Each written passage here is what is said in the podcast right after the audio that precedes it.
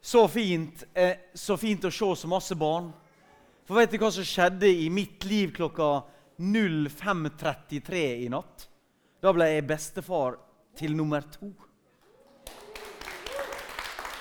Ja, det, det, er, ikke, det er ikke min fortjeneste, det. Men det var fantastisk. Så jeg våkna med en tekstmelding fra min sønn da, at nå kom eh, jenta. Og så er da bestefar til en liten Samuel på tre år fra før. da. Så nå er én gutt og ei jente. Og så er jeg vært søndagsskoleleder i 25 år.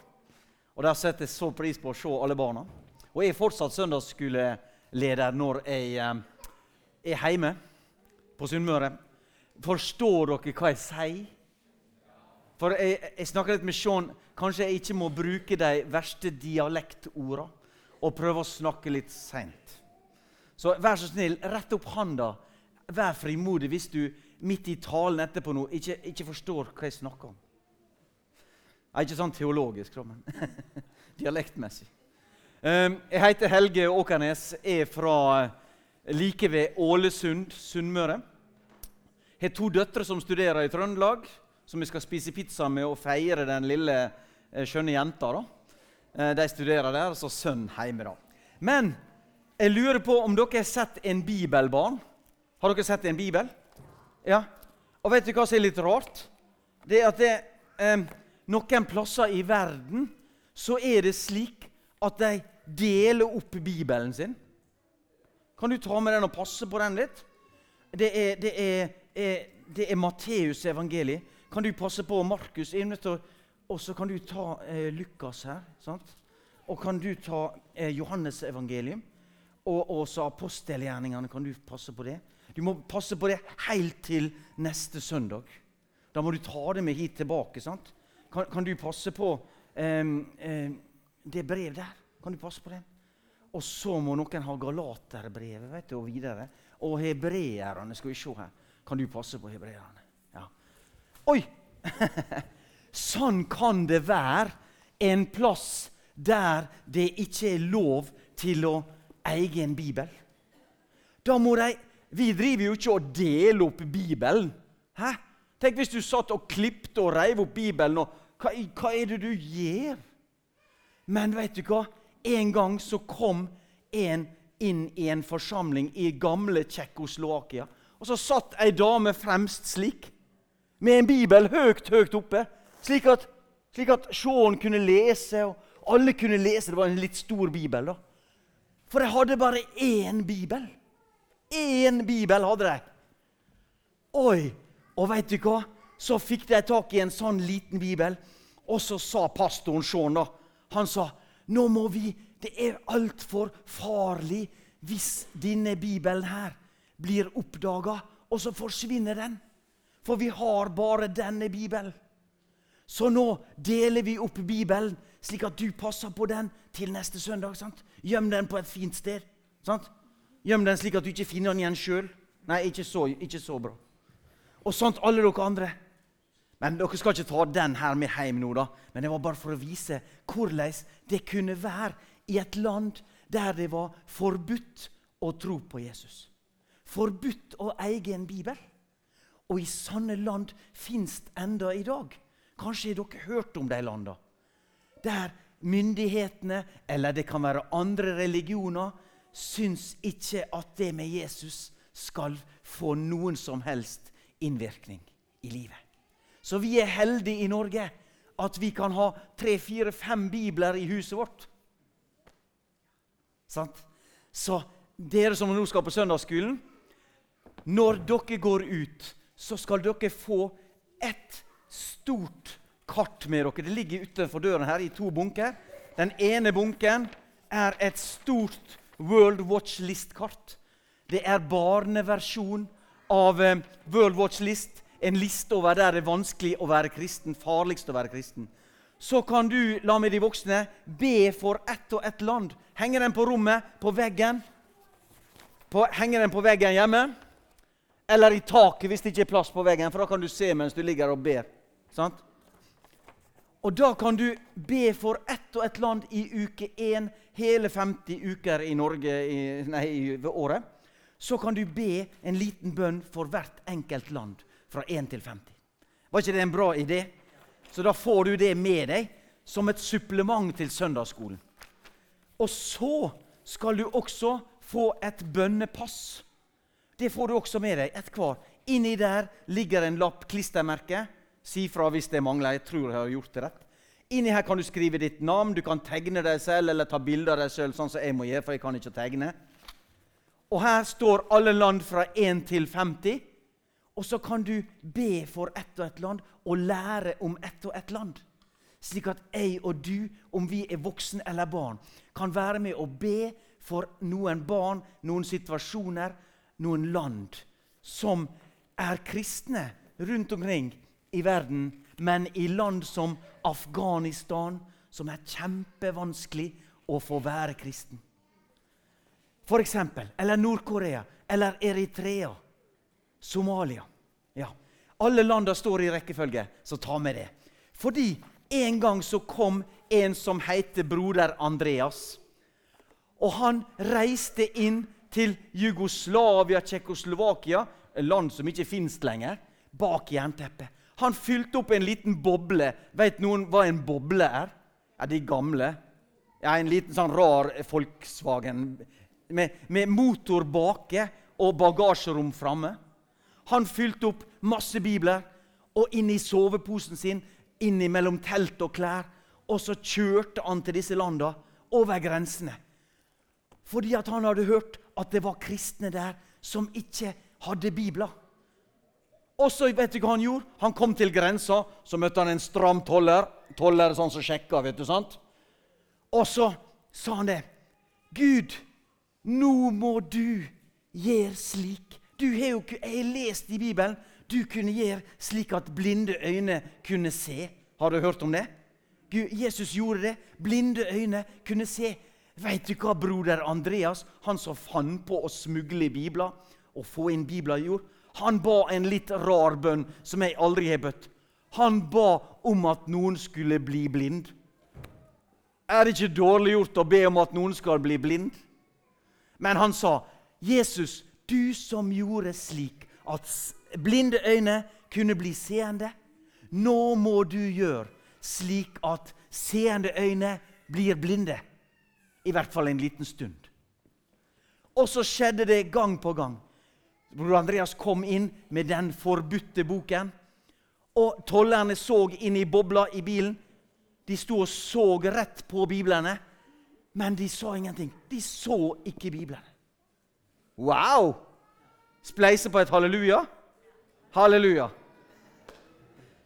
Altså, Jeg kommer fra Indremisjonen. Vi er litt dårlige på halleluja, så vi bruker å spleise på et halleluja når det er skikkelig bra. Ja, men det, ja. Eh, dere kan også kjøpe den lille tegneserieheftet som handler om akkurat det samme som filmen om broder Andreas nå. Ok? Og Det er et sånt hefte. Det koster bare 25 kroner, men det er tegneserien om bror Andreas. Nydelig. Da skal dere få se filmen. En litt sånn barnefilm, men voksne kan også ha fint nytte av den. Så se på den nå. Dette er broder Andreas. Han kalles Guds smugler. Han brukte store deler av livet sitt til å smugle bibler og Guds kjærlighet til steder det er vanskelig å følge Jesus. Slik begynte hans store eventyr. Broder Andreas ble født i et land som heter Nederland. Han ville følge Gud og begynte på bibelskole i Glasgow, en by i Skottland. Det var litt vanskelig, for han var ikke så god i engelsk, men han lærte mye om Gud og å stole på ham. En dag så han en annonse for en stor festival i Warszawa, en by i Polen. I 1955 var Polen et kommunistisk land. Kommunister likte ikke kristne. Andreas bestemte seg for å dra til festivalen og finne ut om det var noen kristne igjen i Warszawa. Han pakket kofferten, satte seg på toget og reiste til Polen. Da han kom dit, følte han seg helt alene, men han visste at Gud var med ham. På søndagen dro han for å finne en kirke. De polske kristne var glade for å se ham. De trodde at kristne i andre land hadde glemt dem. De fortalte hvor vanskelig livet var. De ble overvåket av myndighetene, kirkens ledere ble arrestert og bibelskoler stengt. Tilbake på festivalen ble Andreas minnet på et bibelvers. Der sto det Styrk det som er igjen og som holder på å dø.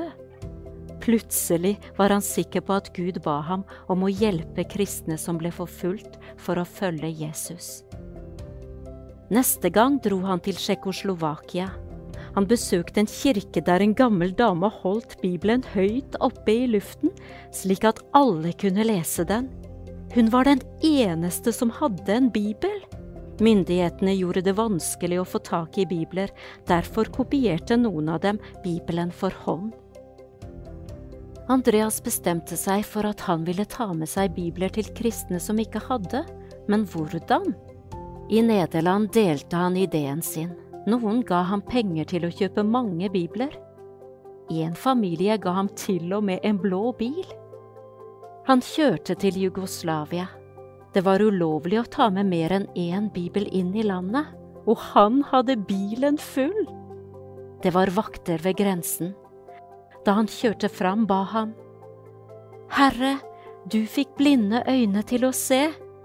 Nå må du gjøre seende øyne blinde. Først sjekket vaktene campingutstyret. De oppdaget ikke biblene som var gjemt i soveposen. Så dro de frem kofferten. Biblene var der, men vaktene så dem ikke. Andreas fikk reise videre. Gud hadde stoppet vaktene fra å se biblene. Senere dro Andreas til andre land for å levere bibler. Han ga til kristne i Bulgaria, Romania og Russland. Hundrevis av bibler ble levert. Andreas fant ut at det var for mye å gjøre alene. Han trengte hjelp. Det var begynnelsen til åpne dører.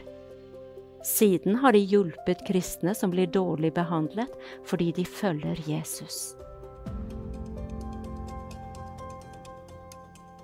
I dag gjør Åpne dører mye mer enn å smugle bibler. Noen ganger må kristne flykte fra hjemmene sine fordi noen vil drepe dem. Åpne dører hjelper med mat, vann, klær og tepper. Når det er trygt å reise tilbake, hjelper de dem å gjenreise hjemmene sine. I noen land får ikke kristne barn gå på skole. Åpne dører hjelper dem å lære å lese og skrive. På steder der kristne barn blir mobbet eller er alene, hjelper Åpne dører slik at de kan dra på leir og være sammen med andre. Åpne dører smugler fortsatt bibler til land i Asia, Afrika og Midtøsten. En dag vil du kanskje dra ut på eventyr, slik som broder Andreas. Men noen ting kan du gjøre med en gang. Du kan be for kristne som blir urettferdig behandlet fordi de følger Jesus. Kristne som blir forfulgt, kan føle seg alene. Du kan skrive et brev eller lage en tegning og sende det til dem. Det er mange morsomme måter å samle inn penger, slik at de får det de trenger. Kanskje du til og med kan være med å betale, slik at de kan få flere bibler. Uansett hva du gjør, vil det ha stor betydning, og det kan være starten på et eventyr. I Bibelen sier Jesus, Se, jeg har satt foran deg en åpen dør som ingen kan lukke. Hva kan du tenke deg å gjøre for andre på ditt eventyr med Gud? Da er vi her igjen. Det var ikke lang pause dere fikk fra meg, da. Men ok, jeg syns det er så fint å få, få, gi noe til barna før de går ut. Så kan de få bli innlemma litt i hva vi driver med. Eh, aldri som en konkurrent til søndagsskolen, men som et supplement. Jeg jobba i Søndagsskolen Norge i 20 år sjøl som konsulent. Og, og syns det er så fint å kunne bidra inn mot uh, at folk kan få med seg noe hjem som er håndterlig, håndgripelig, som uh, barn og voksne kan gjøre sammen. Jeg skal vise dere en, bare en helt enkel snutt, selv om nå fikk dere vite en del om hvordan Åpne dører er. Men um, en liten introfilm her. Hva koster det å følge Jesus for deg? Trygghet, jobbsikkerhet, familie og venner. 360 millioner kristne i land som Nord-Korea, Afghanistan, India og Kina nektes tilgang på jobb, utdanning. De blir arrestert, angrepet, til og med drept fordi de følger Jesus. I mer enn 65 år har Åpne dører hjulpet kristne i hele verden til å følge Jesus når det koster. Sammen kan vi hjelpe den forfulgte kirken til å overleve ved å gi disippeltrening, nødhjelp og tilby sosioøkonomiske prosjekter. Be med hemmelige kristne i Midtøsten. Levere nødhjelpskasse til en kristen nordkoreaner. Gi bibler til en leder i undergrunnskirken i Kina. Vårt mål er ikke å stanse forfølgelse, ikke engang å unngå den. Vi vil hjelpe dem som blir forfulgt, slik at Jesu lys kan skinne gjennom dem. Vi er én kropp. Når de lider, lider vi. Hvis ikke vi lar vårt lys skinne, lider de i mørket. Hvis Kirken ikke hjelper Kirken, hvem gjør det da?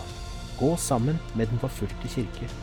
Overvinn det som hindrer oss i å følge Jesus, og lær av dem som er villige til å risikere alt for ham. Vil du hjelpe dem som følger Jesus, selv når det koster? Jeg hadde så lyst til å si noe om denne boka. her. Eh, vi var inne på det. Eh, det, gikk, det gikk en eh, liten jente og stullet rundt i, i, eh, i Nederland. Mora gikk og støvsuga. Det, det, burde jo være far. Det burde jo være faren. Men eh, eh, moren gikk og støvsuget. Det var en kristen familie. Og eh, mora og far hadde prøvd å lære barnet om denne boka. Så, så finner da denne lille jenta går bort, og så, midt i arbeidet til moren, sier hun 'Mamma, mamma' Denne jenta er seks år. 'Mamma, mamma, er ikke dette Guds bok?' Jo, jo, jo, vi kjenner stoltheten. sant? Vi har klart å lære våre barn noe om Guds bok. Jo, det er Guds bok. Så flink du er, lille jenta mi. Men så sier jenta, 'Men mamma, mamma, hvorfor, hvorfor eh, leverer vi den bare ikke tilbake?' For vi bruker den jo ikke. Uh, da sank moren sammen. Det ble litt tungt å støvsuge videre. Eh, jeg ønsker la denne boken I, i hver norsk hjem så er det ca. fem slike bøker. Enten i en bokhylle eller framme. Jeg ønsker i dag utfordre dere til å la denne boken ligge åpen. La den ligge åpen. Ikke for å Ikke åpen nødvendigvis på den siden der du der du kanskje har streket under mest å være flink. men, men la den ligge åpen fordi det er en hellig bok som innbyr deg til å lese. Det, det, er med, det er en fornybar ressurs. Har dere hørt om fornybare ressurser? Det, det er ting vi må være forsiktige med, bruke passe av. Men dette er en meget spesiell fornybar ressurs har du hørt de gamle si det var noe som ble nytt for meg i den boken? Har du hørt? På vitnemøtet. Ja, det, jeg, jeg, jeg, har lest det mange ganger, men det ble nytt for meg. Hadde du vært ukonsentrert? Hadde du eh, bare lest? Nei, fordi kanskje du var konsentrert, men igjen og igjen og igjen så har denne boken nytt budskap, nye daglige leveranser, om du leser det 10-20-30 ganger det samme. Det er bra. Hæ? Det er Gud. Det er, det er, ikke en roman av Jo Nesbø som ender på samme måten hele tiden. Det er en grei start, litt kjedelig i midten, spennende slutt. Nei, her kan alt bli nytt for at det er Guds bok. Så la vi ikke levere den tilbake for at vi ikke bruker den, men la den ligge åpen. Sånn. Det var bare en liten oppfordring. Eh, jeg vil, jeg vil snakke litt om hva vi gjør. Ikke hva vi gjør, men hva Gud gjør. For uten meg, står det i Bibelen, kan dere ingenting gjøre. Tenk på det! Tenk på det når jeg og Sean som profesjonelle kristne skal kjøre på og gjøre masse. Så er det så fristende å tenke Yes, Gud! Wow! Kom fram her! Jeg har noe virkelig bra. Jeg har noe virkelig bra. Kom og se, Gud. Jeg, jeg, jeg gjør noe veldig bra her. Kom, kom frem og se. Nei, det er Gud som er en Gud som inviterer meg og deg inn til sitt arbeid. Det, det, er ikke vi som ser Hei, Gud, vi gjør veldig bra her nå. Kom og se. Wow. Eller som om Gud kjører forbi på veien. Skal jeg stikke innom Heimdal pinsekirke i dag? Kanskje det er bra der? Eller nei, det høres Nei, OK, jeg drar for Nei. det, det er ikke vi. Det er Gud som gjør et arbeid. Han sier, 'Kom hit, så skal jeg vise deg hvordan jeg vil arbeide'. Ja. Vi, arbeider i Åpne dører med å styrke og utruste kristne søsken som lever under press og forfølgelse pga. sin tro. Jeg må bare ta tiden her. Ja. Eh, og så, ikke bare det, men vi, vi, skulle tro vi nøyer oss med det. Det må vel være nok å oppmuntre de og styrke de. Nei, så ser dere. Vi vil også oppmuntre de til å dele evangeliet videre. For det er vår måte i Norge Vi bruker å si deres måte i Norge å være kristne på å leve som, er ikke normalt for store, store deler av verden. Dere har ikke forfølgelse. Men vet du hva vår egyptiske pastorvenn sier? Vi vil heller ha den forfølgelse og det press som vi har her i Egypt. Kanskje tenker dere på Egypt som et ferieland som er fint å reise til Rødehavet og dykke. Jo, det er det også. Men det er sterk forfølgelse i Egypt som ligger som nummer 16 på World Watch List. Helt oppe. For der Saudi-Arabia er islams hjerte, der er Kairo, Egypt, islamsk hjerne. Der klekkes ideene ut. Der klekkes de store universitetsprofessorene. Ja. Eh, han sier vi vil heller ha den forfølgelse og det press som vi opplever, enn det som dere har i Vesten. For der forfølgelse og press fører oss nærmere Jesus. Der kan deres liv i Vesten eh, med alt rundt komme til å dra dere bort fra Jesus. Så vi ber for dere i Vesten, sier vår pastor. Wow! Vi i Vesten er vant til å komme ut. Vi, hva skal vi gjøres her? Vi fikser. Nei, de sier vi ber for dere. Men be for oss, men be også med oss. For de sier, ikke be om at forfølgelsen skal ta slutt. Hva? Nei, det ber ikke vi om, sier han. Vi ber bare om å få være lys og salt under disse omstendighetene som er. Vi tror ikke nødvendigvis at, at uh, omstendighetene som ikke er vennligsinnede, vil plutselig vende seg og bli gode mot oss. Vi ber bare om å få være lys og salt slik det er her nå. Samme i Heimdal og omegn her. Vi kan be. Vi kan ikke sitte og vente og tenke eh, ja, det, det, blir sikkert bra. Staten vil hjelpe oss nå, slik at det blir lettere å, å, drive kristen virksomhet. Nei, vi kan oppleve det motsatte i Norge. Og vi ser tendenser til det hele tiden når vi ikke er politisk korrekte. Sant? Da kan vi miste støtte. Men hva gjør vi da? Jo, vi kjører på videre, for vi arbeider for noe som er større. Sant? Så, så midt i alt så skal vi bare være lys og salt. Jeg vil snakke om Gud som er den store kobleren. Han er den store sammenkobleren av mennesket. Og i denne sammenheng mest om det som handler om at ett og ett menneske ber. Når jeg ringer Sean og sier kan jeg komme til Heimdal pinsemenighet, så sier han yes, velkommen. Noen plasser er det slik nei, vi har allerede et uh, misjonsprosjekt, så, så, så, vi kan ikke involvere oss i et nytt. De tror at jeg og Åpne dører er ute og samler inn penger til vår organisasjon. Ja, vi trenger penger. Men vi er ute og samler inn én og én bønn fra ett og ett kristent menneske som har sett det som vi vil formidle her i dag. Og det som Bibelen sier, at vi er lemmer på samme kropp. På Kristi kropp. Så det er ikke de der ute som er den forfulgte kirke. Det er vi. Vi er en del av det. Vi er, vi er sammen med dem. Står sammen med dem. Det er så viktig. Og hvordan Gud kobler mennesker som står sammen i bønn. Gud er den som kan koble mennesket sammen. Eh, Lydia fra et av eh, stanlanda Jeg kan ikke si hvilket stanland. Dere vet Kasakhstan, Kirgisistan, Usbekistan. Masse muslimske stater som, eh, som eh, har tøffe forhold for kristne. Eh, hun sier bønner når dit der ingen andre når. Ingen fengselsmurer, stater eller myndigheter kan stoppe dem fra å vitne. Det sier broder Andreas.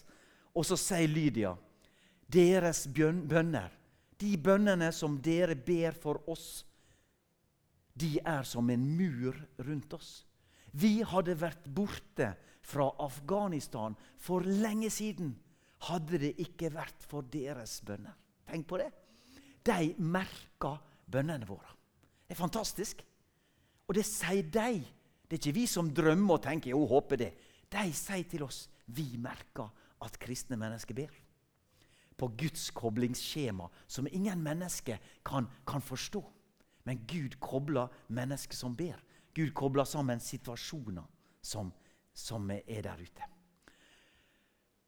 Når Gud kobler mennesker, så, så, begynner det å skje ting. Det begynner å bli, å bli eh, tråder mellom mennesker. Jeg bruker å si På bønnemøtet vårt på torsdag på Emlen bedehus der var vi ni stykker. Det er bra for oss. jeg vet ikke hvordan det er her. Men vi sa, jeg sa, husk på det når vi nå har samlet oss og bedt sammen. Da har vi noe unikt hele tiden. Når jeg møter deg neste gang, vi har bedt sammen, da har vi noe. Da kan det ta bort baktaling, det kan ta bort vonde ting. Det kan Gud får jobbe mellom mennesker som ber sammen. Og det, det er Gud sitt verk midt i alt. Og så er menigheten så viktig. Og Jeg delte en historie med Sean på lunsj i går og, og, Be, og Berit. Anne, ja. Så det var, det var, en jente fra Syria som kom til England. Hun hadde flyktet. Og Sin venninne eh, møtte hun der. Og De møttes i en flott menighet som her. Og den engelske venninnen sa til, sa til Skal Skal se navnet hennes. Jeg må bare se at det blir riktig. Det er ikke så nøye. Sa til den nye venninnen Ja, vi ses neste søndag. Hvorpå den syriske venninnen tenkte Neste søndag? Hva, hva, gjør dere, hva gjør dere i morgen? Mandag? Tirsdag? Onsdag? Møtes dere ikke før neste søndag? Det er ikke for at vi skal få dårlig samvittighet og, og begynne å ha gudstjeneste hver dag. Men det er så viktig at vi i en menighet har noe gjennom uka. Når begynner gudstjenesten? Klokken 11? Nei, den begynner klokken 12 når du drar hjem, og så varer den til neste søndag klokken 11. ja, Det er bare en litt annen måte, det skjønner. Gå ut og tjen. sant? Det er det som er vår tjeneste ute i verden. Jo, vi trenger gudstjeneste, vi trenger å møtes. Men gjennom uka så trenger vi å minne hverandre på hvem er Gud. Jeg ber for deg. Min mor døde for ti år siden, og mange gode kristne venner kom og slo meg på armen, eh, skulderen og sa ja, vi tenker på deg, tenker på deg, Helge. Det er veldig bra. Men vet du hva som er bedre for oss kristne? Det er jeg ber for deg. Jeg vil be for deg nå framover. Det er noe helt unikt annerledes som skjer hvis jeg som kristen bror tør å si til en kristen bror eller søster Jeg vil be for deg nå. Å tenke på er fint. Og jeg, jeg skjønte at når, når, mine venner sa 'jeg tenker på deg', så forsto jeg i mitt hjerte ja, de vil sikkert be for meg. Men vi er jo bedusfolk på Sunnmøre, så vi sier ikke slikt. Vi sier heller 'jeg tenker på deg'. Men det, er, det skjer noe annet. Prøv. Vær den første til å tørre å si 'jeg ber for deg'. Jeg vil be for deg framover nå. Jeg har en liten lapp om bønn. Det er Kiwi-lappen min. Handler dere på Kiwi? Jeg skal slippe å svare trumfpoeng. Sunnmøringer liker trumfpoeng. sånt. Men eh, på baksiden av den handlelappelisten du kan få med deg gratis, så er det en stiv perm. sant? Litt sånn stiv. Den bruker jeg til sånn bønn oktober. Temaet er 'Å følge Han'. Så enkelt skrev jeg. Å følge Han. Her skriver jeg opp mine, mine folk som jeg ber for hver dag. Og Dette er ikke for å skryte av at jeg ber, for jeg svikter i bønn sikkert like ofte som dere. Selv om jeg skal være profesjonell kristen. For meg er det veldig viktig å skrive opp. Ellers kommer jeg til å glemme. Sant? Jeg, jeg, gjennom uka får jeg høre fire, fem, seks ganger 'Husk å be for'. husk å be. Be gjerne for møtet som kommer. Be. Men vi glemmer det. Gjør ikke dere? Ja. Så derfor en sånn side. Kiwi-bønn. Kanskje et tips for dere. Kanskje dere har på telefon. eller samme det. Men på baksiden like viktig. Her kan jeg sette opp ekstra ting som dukker opp. Når jeg møter mennesker, så kan jeg si Kåre, jeg skal be for din situasjon nå i en måned. Og trenger du å utvide ditt abonnement, så ringer du meg eller sender en melding om at jeg skal be en måned til. Skjønner? Da blir det konkret, og jeg lover Gud og mennesker å be. Det er en god idé, tror jeg. For noen av dere. Kanskje. Kiwi-bønn. Det var ikke Kiwi-reklame. Nei. Det kunne vært Rema.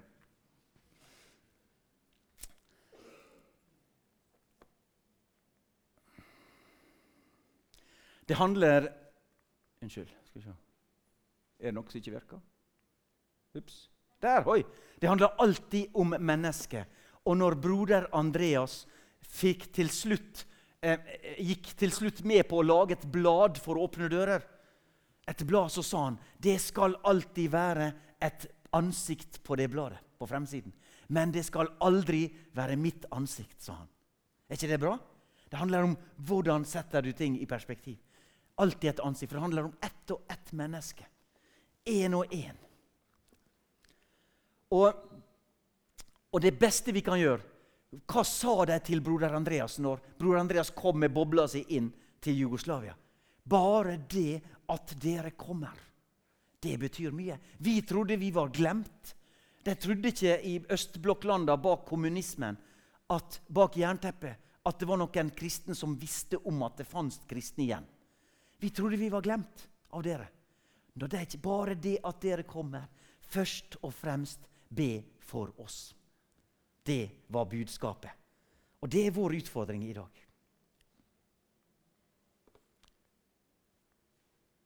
Der var han. Har dere sett en sånn fisk? Det, det, det, jo, det står jellyfish, geléfisk. Lever ned mot 8000 meter under havet i Mariannegropen utenfor Japanhavet. Dere har hørt om det i o-fag og samfunnsfag og Heimstad lære Nei, hva det heter Et eller annet. Landkunne. Den lever på 8000 meter under havet. Et enormt trykk. Hadde du satt 1600 elefanter ned på bobla til broder Andreas, eller ut på min gamle svenske Volvo, så hadde du opplevd litt av trøkket. Eller hvis Eiffeltårnet ble satt på tåa di. Da ville du hatt det trøkket som den fisken lever under. Det er uforståelig. Har du dukket ned mer eller mindre frivillig, hoppet utfor en kai og kommet blubb, blubb, blubb, fire-fem meter under og kjenner Oi, det, det trykker? Ja. Men tenk det trykket der. Hva gjør havforskere er opptatt av? Hvordan kan den fisken overleve? Hvordan kan den stå imot presset? Vet du hva de har funnet ut? Den fisken der er ikke en tøff fisk i den forstand at han har et skall, et panservern, knallhard. Nei, den er mjuk gelé. Men den har en indre styrke som er større enn det presset som kommer fra utsiden. Wow! Det kan vi bruke i Åpne dører. Det kan vi bruke som kristne. Kan jeg og du ved Guds hjelp og ved samfunnet, menigheten, hjelpe hverandre til å ha en sann styrke innvendig, slik at vi kan stå imot et ytre press. Husk geléfisken. Det går an. Mange mange forfulgte kristne lever under sterkt sterkt press, men fornekter ikke sin Gud. Fornekter ikke trua. For at de sier dere kan drepe kroppen min. Dere kan, eh, dere kan lemleste meg. Dere kan ødelegge meg. Men dere kan aldri ta fra meg Jesus. Og Da fører det til at folk står klar til å drepe, men klarer ikke å drepe.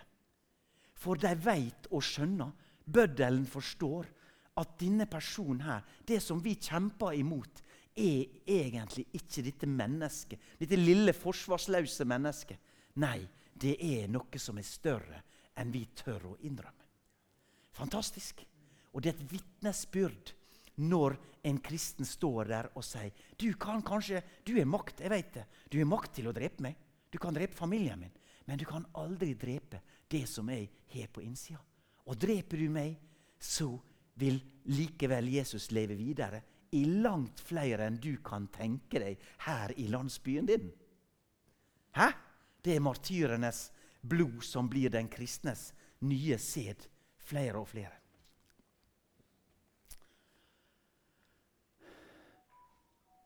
Unnskyld. Jeg hoppa litt raskt og var tilbake. Var ikke det det? Der.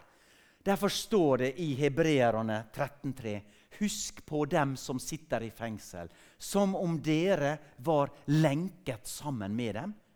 Og husk på dem som blir mishandlet, som om det gjaldt deres egen kropp.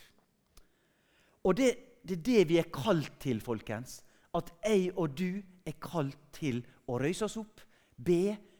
Det er ikke for en spesiell interesseorganisasjon. Det er ikke sånn ja, 'Kanskje jeg skal bli med i Åpne dører'. Ja, Grei organisasjon. Ok, ok, han som kom. og Jo da, jeg kan støtte deg. Nei, det handler ikke om meg, handler ikke om åpne dører. Det handler om én og én kristen som berger, uavhengig av menighet. Derfor reiser vi med frimodighet ut til alle. For vi sier dette er alles kristne ting. Dette er alle kristne som er kalt til. Det er ikke noen som er spesielt interessert i misjon i Malawi eller på Madagaskar. eller hvor det nå skulle være. Nei, dette er noe som vi, uavhengig av alt annet vi styrer med, må ha i hjertet vårt for at det er noe som inspirerer meg og deg i eget kristenliv. Vi bruker å si det er dagens dobbel. Har dere spilt på hest? V75? Leangen travbane? Nei, ikke prøv det. Det går dårlig. Sant? Jeg har ikke prøvd det. Men dagens dobbel, det er det vi er. De har noe til oss. Vi reiser ikke bare rundt for å fortelle om noe der ute, men de ønsker å inspirere oss tilbake, slik at kristenheten, samfunnet mellom oss, kan vokse vi trenger noe fra de, og de trenger noe fra oss. Um, skal vi se Der var Jeg skal dele en liten historie om hva bønn betyr. Um, Unnskyld, jeg har to system her, så jeg må bare um, Dimitri han bodde i Russland, bor i, ja, i det gamle Sovjetunionen. Og Dette er en sann historie. Dette er ikke langt fra Moskva. Han eh, opplevde at eh, i Sovjetunionen, gamle kommunistregime, så ødela myndighetene kirken deres, arresterte prestene, drap prestene, prøvde å ødelegge alt som handla om kristen tru, fordi at det ble sett på som en fiende mot det kommunistiske Sovjetunionen. Akkurat sånn som skjer i Kina nå. Sant? Det er også Alt som ikke handler om å bygge opp stat, kommunismen, er en fiende. Ikke mot en annen religion i denne sammenhengen, men mot et regime. Han opplevde det. Når han seinere gifta seg, stifta familie, så var nærmeste kirke tre dagsmarsjer vekke fra der de bodde. Altså, Hvis det var tre dager å komme seg til nærmeste kirke, da hadde det blitt skrint lite folk her, kanskje. Han ble fortvilt. Han hadde ei kone han hadde to barn. Han sa, 'Vet du hva, kona mi? Vi det, vi kommer oss altfor sjelden til kirke. De kunne bare besøke kirka to-tre ganger i løpet av året. Jeg er bekymra for barna mine. De får ikke være på søndagsskolen. Kan ikke vi sette av én kveld hver uke til å lære barna våre bibelhistorie? Be sammen, synge.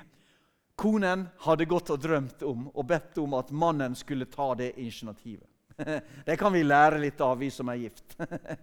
Vi, skal vi be sammen? Ja, kanskje han tar, kanskje ja, Jeg venter. Noen, sant? Kan ikke noen. Noen jobber ikke her. Men noen er én og én. De begynner, de samles, de forteller. Så sier barna, 'Kan ikke vi be? Kan ikke vi synge kristne sanger?' sier barna. Så begynner de å høres. Det kommer flere folk til huset til Dimitri. 25 stykker dukker opp. De vil være med. Politiet kommer på døra. Statspoliti. Det kommunistiske Sovjetunionen. De kommer på døra og sier du driver eh, ulovlig virksomhet, Dimitri. Du må være forsiktig, du må stoppe med dette, ellers blir du fengslet. Det kommer 50 stykker på neste samling. Folk kommer. 70 stykker. Og da kommer politiet på døra. Nå har Dimitri og konen allerede mistet jobben sin. Barna har blitt nektet skole. Og nå kommer politiet på døra. Det står 70 stykker. Det er ikke plass til alle i huset. De kommer frem, tar, tar tak i Dimitri, pastor, som ikke er pastor. Kom her, bli med. Så kommer en gammel, krokete dame frem og sier til politimannen Du har lagt hånden din på en gudsmann. Og dette kommer du ikke til å overleve. Vær så god, sitt. Jeg skal ikke gjøre det mer dramatisk. En gammel dame fra menigheten reiser seg opp, går frem. Du har lagt hånden på en gudsmann. Og dette kommer du ikke til å overleve. Politiet drar.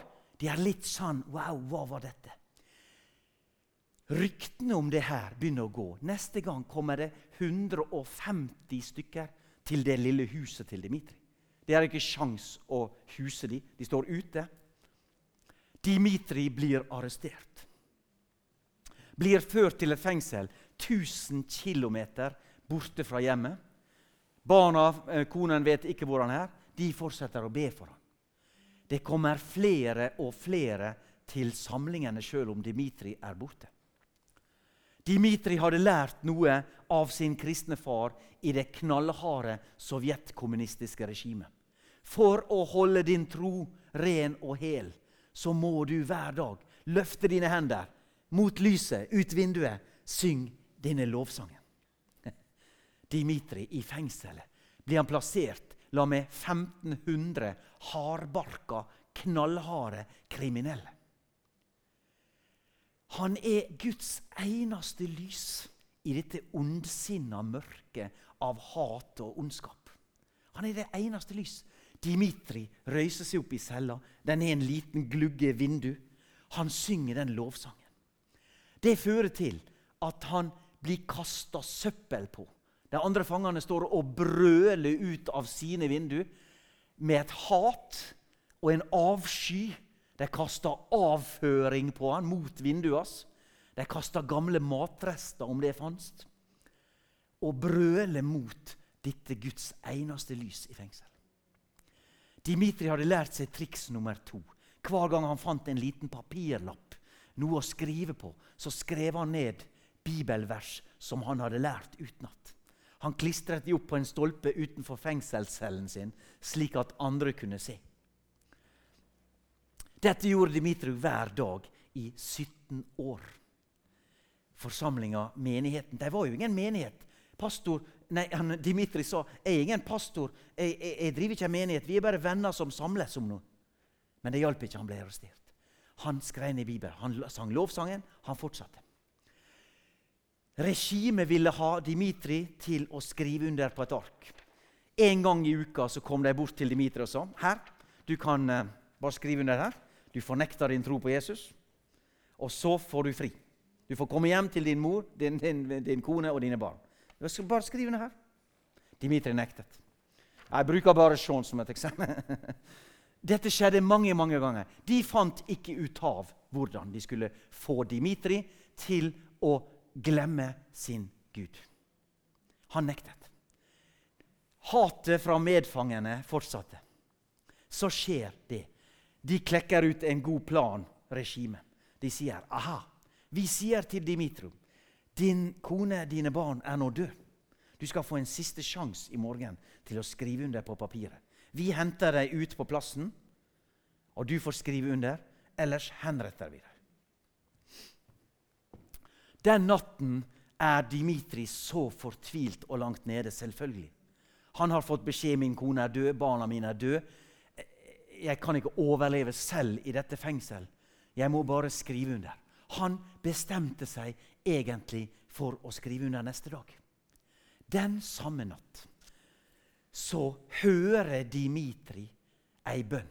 Han tenker jeg, har det klikket for meg. Er det hallusinasjoner og ikke hallelujasjoner? Er det, er det, er det, øh, han kom til seg selv, men hører sin kone be og sine barn be. Han hører det helt. Han drømmer det ikke, han hører de ber. Han skjønner at de er i live. Neste dag blir Dimitri slept ut på plassen. Papiret klar. Og det som skjer når han blir ført ut dit, og de skal til han, og Vil du skrive under? Dimitri sier nei.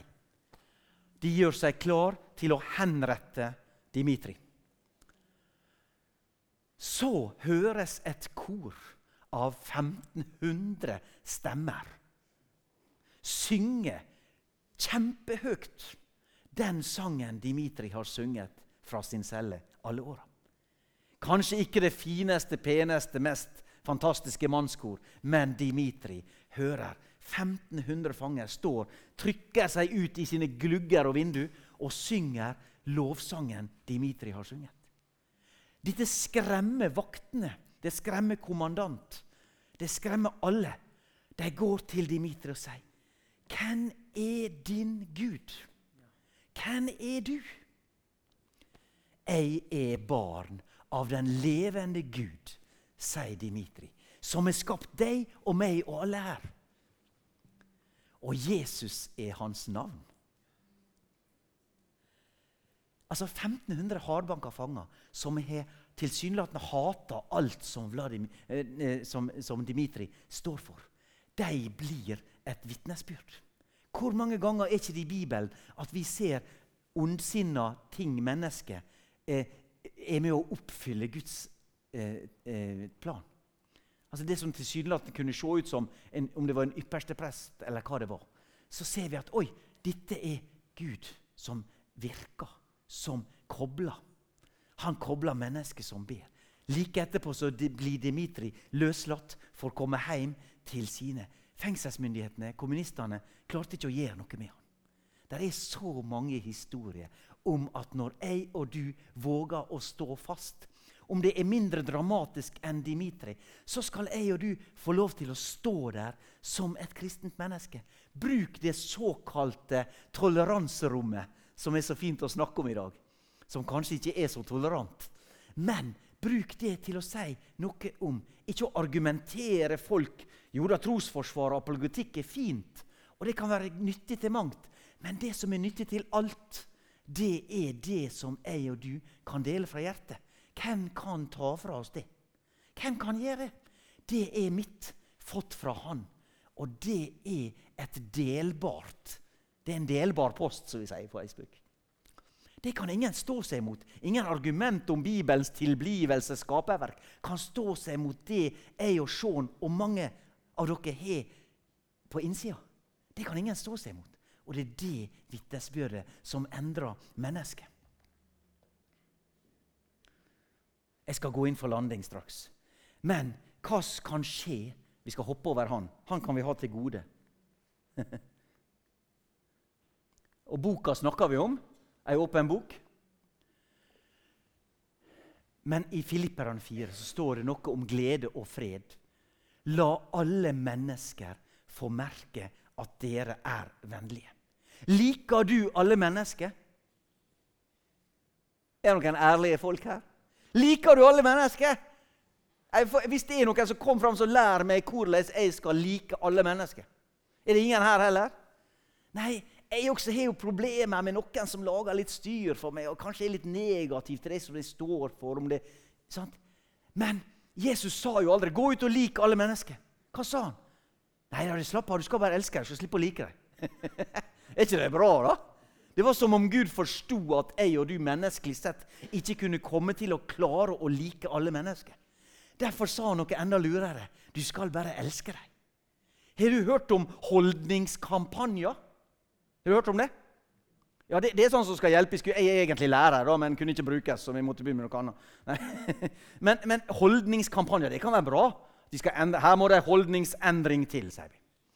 Jeg lurer på om vi av og til i også kristne sammenhenger kan heller prøve oss på holden, han, handlingsendring.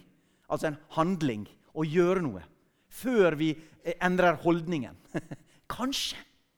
Jeg tror at en handling, en utføring, en go, en, en, en god ting å gjøre La alle mennesker få merke at dere er vennlige. Herren er nær. Hva kan skje da? Jo, jeg avslutter med en liten historie fra Kina. Jeg håper dere tøler de siste tre minutter. En pastor i det gamle kommunistiske Kina. Han ligger, Jeg legger meg ned. Jeg. Går det bra? Ja. Er det sikkert rent? ikke det? Han ligger der i et fengsel. Han er fengsla. Han våkner opp, ser rett opp i et lys. Oi! Yes, tenker han. Jeg er kommet til himmelen. Eller tannlegen. Men men så retter han litt på seg, og så ser han at det, å nei, Nede i fotenden, der står de to kommunist-Mao-soldatene som banka meg opp i går. De står bare og passer på meg, venter på at jeg skal bli frisk nok igjen til å komme tilbake til cella, slik at de kan banke meg en gang til. Men så ser han bort med døren, så står en annen person, en i stram uniform. Hvem er du? Og Først så sier han, 'Hvorfor er dere her?' 'Vi er her på grunn av han.' Og han, det var en offiser som står eh, bort med døra. 'Hvem er du?' sier han. 'Jo, vi er her for å be om unnskyldning', sier de to som banker han opp. 'Vi er her for å be om unnskyldning.' Han trodde dette her må være feil. Det må være feil. Nei, han sier, 'Jo, det er sant.' Og så sier pastoren, 'Er du en kristen, du, sjef?' Nei, nei, nei, det var et dumt spørsmål å spørre en Mao-sjef om han var kristen. Nei, jeg er ikke en kristen, sier han. Men for 15 år siden så traff jeg et ektepar i England. Jeg var på et politikurs, fengselskurs i England. Jeg kunne litt engelsk, derfor ble jeg sendt til England. Og Der traff jeg et gammelt ektepar som jeg, jeg, jeg hadde gått i tre uker uten å gjøre så mye. Og jeg, Til slutt så gikk jeg til ei kirke. Og så traff jeg et ektepar som ønsket meg velkommen inn.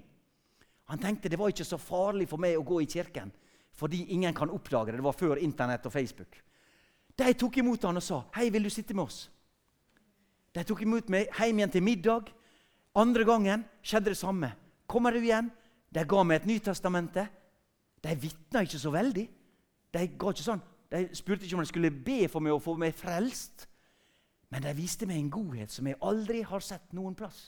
Og så sier han Hvis du er en slik kristen som de jeg møtte i England, så trenger Kina slike kristne som deg. Wow! Det er mer i denne historien. Dette ekteparet fikk aldri se resultatet av sine, sin godhet.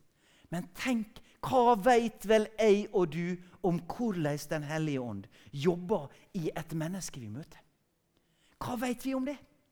Sant? Men la jeg og du være slike her i Heimdal og omegn, som er et menneske å stole på, som er et vennlig menneske. Der vi ikke har lyst å like, skal vi bare elske. Vis godhet. Bruk bergpreika for det hun har vært. For av og til så har vi lyst i hellig vrede å stå på over Ha, de fikk som fortjent. Men av og til så er det, og svært svært ofte så er det Gud sin måte som funker bedre. Ja, Jeg stopper der, jeg.